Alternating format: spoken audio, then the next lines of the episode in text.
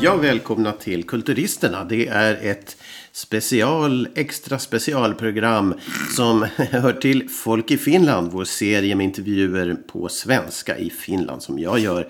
Henrik Thorsson, producent.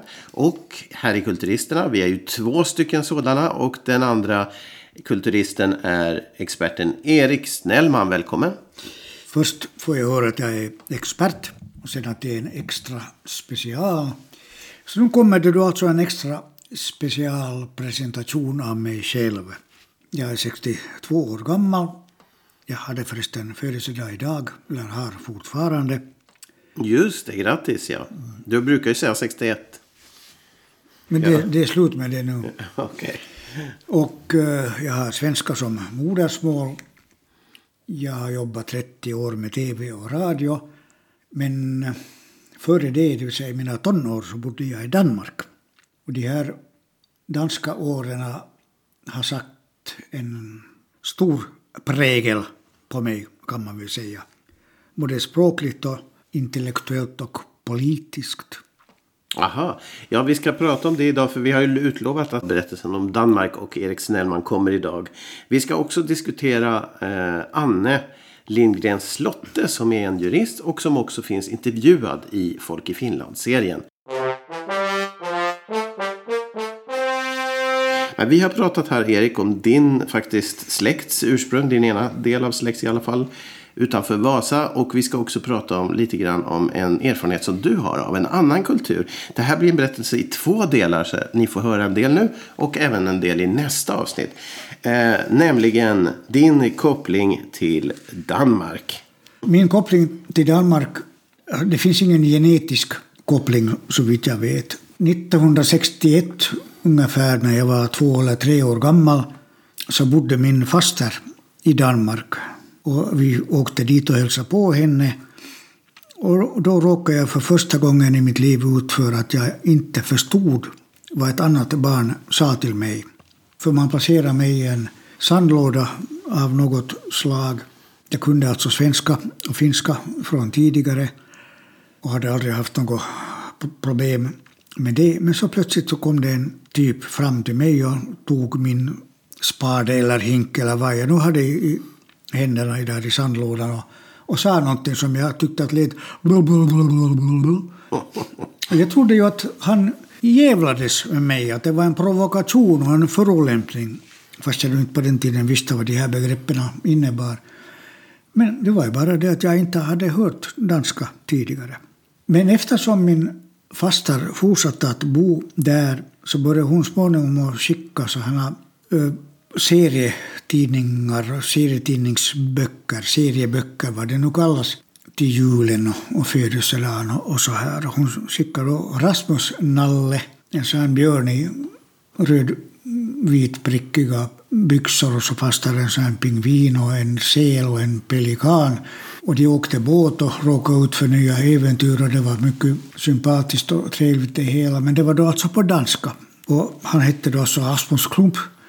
Det klump på danska betyder nu inte någonting speciellt. Det är ungefär som på, på svenska. Medan då namnet Rasmus, det är inte speciellt danskt. Alltså det är nog ett danskt förnamn, men man kanske, kanske associationerna går snarare till någonting mer akademiskt än till, till någonting med en björn med röda byxor.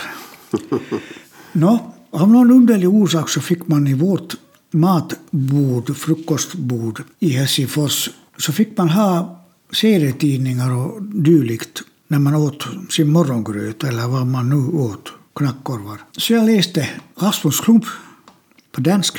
Jag förstod ju inte att det var danska. Men, och ingen hade sagt åt mig hur man läser överhuvudtaget. Så om jag nu trodde någonting överhuvudtaget så trodde jag att det var svenska, jag vet inte. Så jag lärde mig att läsa på danska och det fungerar utmärkt för att de här språken är så pass nära varandra att det liksom går att på något sätt växla mellan dem. Jag, vi borde ha nu en tidsmaskin här och gå tillbaka till 1961 och fråga mig vad jag tyckte då. Men jag vet att jag läste och kunde läsa danska. Svenska hade jag aldrig försökt läsa. Däremot fanns det i allmänhet på vårt frukostbord också en plåtburk med kakao. Och där stod det van Houten någonting. Så, och jag visste ju inte hur det skulle uttalas. Men danska och holländska var det som jag lärde mig läsa med, eller av, vad vi nu kallar det. Så gick det ett år eller två och så började min familj att prenumerera på Kalle Anka, alltså på svenska. Och det läste jag förstås också, men jag tyckte att det var lite konstigt. Allting såg så kantigt ut på något sätt. Alltså orden menar du? Jo, det var liksom hårdare och kantigare och lite, med, med, lite mera staccato i det hela, fast jag inte visste vad staccato var för någonting på den tiden. Men småningom så lärde jag mig liksom av med den där danskan, eller jag glömde aldrig danskan i och för sig, men jag såg inte sen längre världen genom danska ögon, utan genom svenska och småningom finska ögon. Och sen flyttade vi ut till Danmark. Och det ska vi berätta om i nästa avsnitt. Men jag tänkte på det när du, när du som liten då mötte den här danska pojken som skulle ta din spade. Eh, då förstod du ju ingenting. Det var som du sa, det var första gången du, du inte förstod. Det var en grym kultur, kulturchock eller förolämpning eller vad vi nu vill kalla det. Men det konstiga är ju att du sen med samma språk lär dig läsa det. Så där har vi ju någonting med danska som är lurigt. Jo, men jag lärde ju mig läsa då i skrift. Jag hörde mm. inte vad som sades. Jag menar, ett av jag, den första Rasmus Nalle-boken jag läste hette Rasmus Klump i Poemierna. Och där fanns en, kam en kamel som hette Kamelius. Och Rasmus Nalle sa till honom att Daus Kamelius, alltså hej Kamelius. Mm. Men jag visste ju inte hur man ska uttala Daus. Men Kamelius förstod jag nu någorlunda i alla fall. Men om man skulle på något sätt kunna gå tillbaka i tiden och göra någon slags neuro, vad det nu heter, undersöka min hjärna på något sätt så skulle man kunna komma fram till ganska intressanta saker, eller, eller möjligen ointressanta. Men vi tar det till nästa gång att fråga oss då varför det är så stor skillnad på att tala danska och skriven danska. För vi ska fortsätta att höra om Eriks danska äventyr i nästa avsnitt. Nu ska vi tala om en intervju i Folk i Finland-serien som var med Anne Lindgren Slotte, en jurist som har en god erfarenhet av olika juristbyråer tills att hon själv i år startade sin egen. Lex Terra Law som den heter i Vasa. Och eh, ja, vi ska, vad ska man säga om det här med jurister och eh, hon är ju rätt eh, glad och skojig person. Ja. För att vara jurist. Det där var elakt. Ja, men jag är själv jurist. Så jag... Ja, jag vet ju ingenting om jurister. Det enda jag vet är ju egentligen att ordet jurist egentligen kommer från det latinska ordet ius som betyder lag. Ja. Och jurist är då en böjd form av detta. Och lag, lag är ju det ord då, som är spännande ord. Som du har pratat om tidigare också någon gång. Men det är ju faktiskt grunden för också law. Eller hur? Det finns någon koppling där. Ja, det är samma ord, men ingendera har väl lånats åt någondera hållet. Utan det är väl bara ett släkt, släktord i två motsvarigheter i, i, i släktspråk, engelska och de skandinaviska språken. Och men hon använder ju då lex terra. Så att hon, eller lex terra, och hon tänker ju att det ska vara jord då. Lag, jord. Så ius och lex och lag. Här ser vi en koppling. Men Jo, men alltså ius och lex är ju båda två latin och betyder i stort sett samma sak, men latin pratades ju dels i nuvarande Italien, men förstås också i, i nuvarande Spanien, Portugal, Frankrike och Rumänien. Är det, det att romarna bodde där? Ja. De tog med sig det. Men, men hon, för hon sa ju då att hon, hon skriver ju terra då med ett R. För hon vill inte att det ska låta italienskt. Terra. Men hon har redan, hon har redan då satt lex före. Så att lex är ju redan Italien. Så att då, då går lite kors och tvärs här. Jaha, men det här med terra med ett R förstår jag inte riktigt. Jo, men det var för att hon inte vill att det ska vara för italienskt klingande. Lextera, det blir lextera alltså. Men, men det är ändå kopplingen till terra och jord.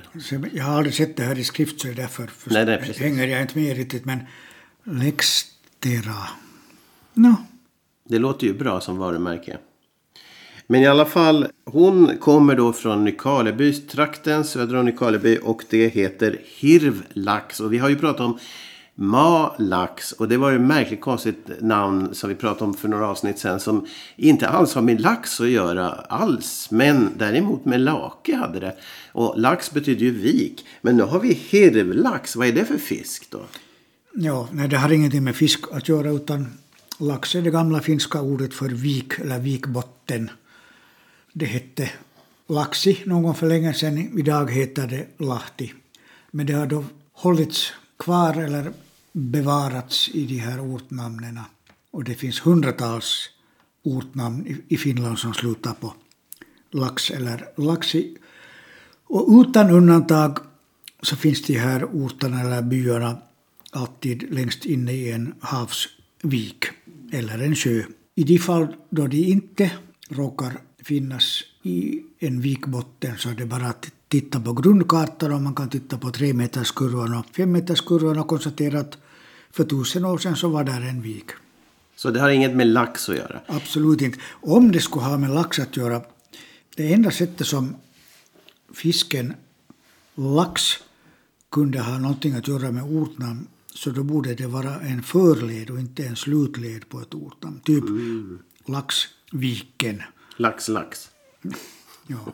Och nu ska vi inte blanda in Lars Sund och hans kiklax i det här för det blir alltför komplicerat. Jag menar, man kan tänka sig Laxviken eller Laxfjärden eller Laxvarpet eller Lax. Men, och då syftar det troligen på fisken lax. Men om det slutar på lax så kan det inte göra det, för svenskan fungerar inte på det sättet. Vi sätter aldrig fisken sist. Nej, i svenskan sätter man inte fisken sist. Och, eh, men, men då, vi måste nog till Lars Sund här nu. Siklax, det är en påhittat. Det går inte. Därför har du lax i slutleden då, då är det ju inte svenska. Så du har aldrig, du har aldrig ett svenskt ord före lax i ortnamn. Nå, nja, men sik heter ju sika på finska. Jo.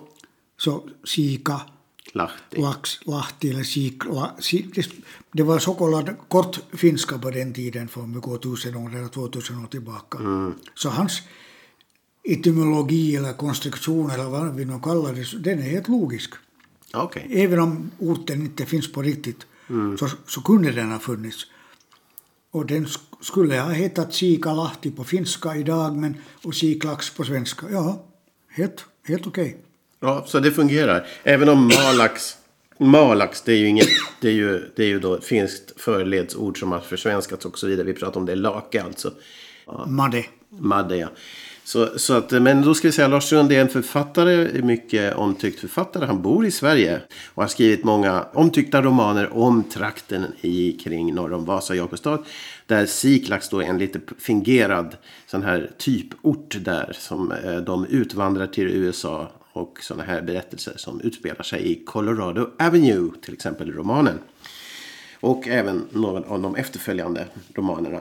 Och du har ju faktiskt spelat med i pjäserna. Ja, faktiskt spelade jag eh, i Vasateater. Då spelade jag med i Colorado Avenue, inte de andra, men den.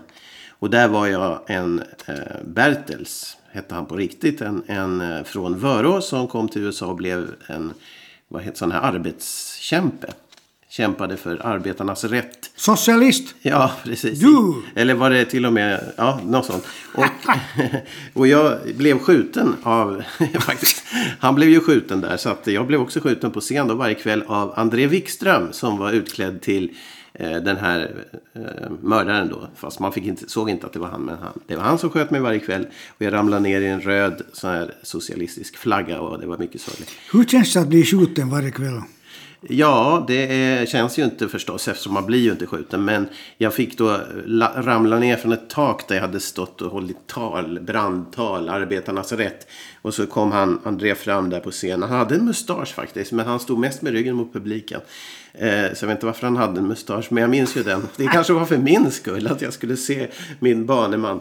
Eh, ja, och så när jag blir skjuten då. Det är ju inte på riktigt förstås. Utan det knallar ju där nere. Han skjuter och pang. Och då måste jag ramla ner från taket på ett sätt så att jag, så att jag inte slår mig. Så det fanns en koreografi där så det var ganska mycket jobb med att liksom ramla ner utan att slå sig. Jag var ju redan död men jag skulle ändå inte slå mig. Ner i den här röda flaggan där jag låg. Och sen tror jag de täckte över mig med röda flaggan så här. Så om du någon gång blir skjuten på riktigt. Ja, det så, då, så vet du hur man faller.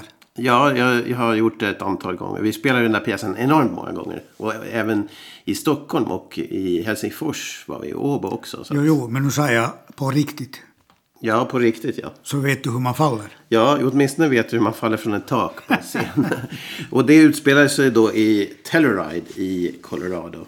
Colorado Avenue kom av den gata som huvudrollsinnehavaren där hade ett, ett pensionat. Som också var min då, fru, eller åtminstone jag vet inte om vi var gifta, men det var något sånt. Jo, jo, vi gifte oss på scen. Ja, ja, precis. Så vi kan prata om det också. Jaha, Eh, det var eh, erfarenheter av Larsunds siklax. Vi ska tillbaka till hirvlax då. Hirvlax. Här, eh, då vill jag hävda att det här är ett bevis för att ett namn med lax kan inte ha ett svenskt förled. Vad betyder hirvlax? No, sannolikt är det i fråga om hirvilaxi, det vill säga en älgvik. Ja, älgvik. Mm. Så att, men det var en väldigt grundad älg då som alltid höll till där. Eller vad kan det... no, kanske det var ett ställe dit älgarna kom för att dricka. Där, kanske fanns en uh, naturkälla som älgarna tyckte om att dricka ur eller någonting i den stilen. Mm. Det är ett ganska, en väldigt vanlig förled i, i finska ortnamn det här med hirvi. Det, är liksom, det, det, det finns 13 på dussinet av dem.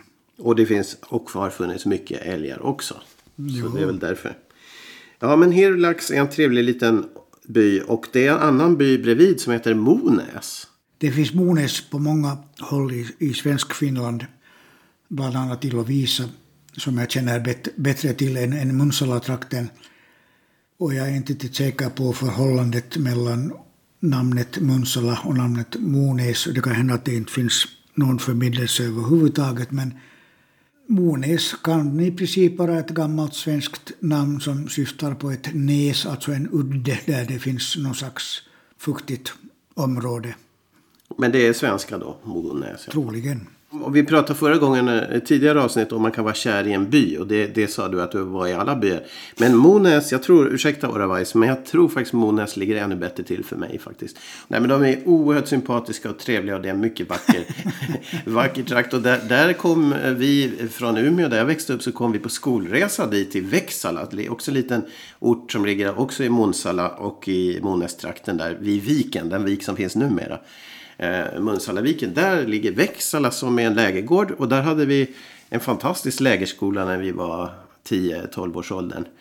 Eh, ja, så att där har vi varit. Och Växala, vad kan vi säga, kan vi säga något om det? Får ta upp det igen. Ja, det är ett gammalt finskt namn som antagligen har lytt Vehkasalo från början. Mm -hmm. Och Salo är alltså då ett jaktmark eller stor ö. Och Vehka betyder missne. Och vad betyder det sen i sin tur? Missne. Mm. På svenska? Det är ett trädslag. Ett trädslag? Har vi sådana? Eller buske, jo. Det är någonting stil med fläder. Så fläder, fläderjaktmarken? Någonting i den stilen. Men då var det ju bra att de hade hirvlax nära så att de inte behövde gå så långt när de jagade där. Det betyder nog väl ungefär den buskiga ön eller någonting sånt. Den buskiga ön. Och ja, allting var öar förr i tiden. Allting var kringflutet av vatten. Idag finns det inget vatten kvar och bara en enda vik. Och är det bättre, är det sämre? Vi vet inte. Allt var bättre förr. Det var bättre förr, det fanns mer vatten. Men vi är glada ändå för Monäs är en av ja, de finaste byarna man kan tänka sig. Eh, Får du betalt för att göra reklam för den där byn? Ja, men Orvais kommer att bli, bli, bli väldigt eh, gramse på mig. Men jag måste säga att Mones har många företräden. Eh, vi ska gå vidare i vårat eh, avslutade här ska vi säga bara någonting att Anne Lindgren Slotte kan du lyssna på. Folk i Finland, totalmedia.com. Där lyssnar du också på det här programmet så du visste redan var det fanns. Men Folk i Finland-intervjuerna hittar du också på hemsidan. Och eh, Anne Lindgren Slotte är ju babysimsinstruktör också. Hon kommer visserligen tyvärr att sluta med det i och med att hon nu har startat egen juristbyrå. Men hon sjunger en vacker sång och vi diskuterar lite där. Borde man inte ha sådana här hej och välkommen idag sånger även i domstolen? Hon var inte riktigt med på det. Vad säger du? Borde man inte lätta upp? Ska inte börja med trevligheter egentligen, det mesta här i världen? Menar du att domaren borde sjunga? Jag tycker alla, alltså när Anne håller det här babysim, då är alla med på att sjunga, de ja, så gott de men, kan. Men om domaren men, inte kan sjunga? Nej, men han får leda och så får de andra... Eller han kan ju ta in någon notarie, någon, någon sån där liten, som körledare. Men, men det här är ju inte roligt. Det här är ju skojigt när man säger det så här, men sen är det ju inte roligt. För i domstol är det mycket otäcka saker och alla möjliga. Det finns ingen anledning att glädjas i en domstol. Na, om man nu tänker sig en mordrättegång så att man börjar den med sång så ja. Nej, men då har vi Monty Python och det finns ju sådana scener. Men, nej, men, men däremot eh, eh, i Babysim, där, där finns det. Och eh, ja, vi får prata om Babysim en annan gång. Always look at the bright side of life. Ja, och vatten fanns det i alla fall när Anne Lindgrens Slotte växte upp. För hon blev mycket tidigt sim, simkunnig simlärare. Så att vattnet är inte helt borta från våra finländska kulturmarker. Så vi tackar så mycket för idag. Vi har pratat om Danmark, vi har pratat om jurister, vi har pratat om hirvlax och laxlax och siklax och alla möjliga djurlaxar som det finns. Vi hoppas att du vill lyssna på oss igen. Jag tackar Erik Snellman för idag. Tack Erik. Tack själv.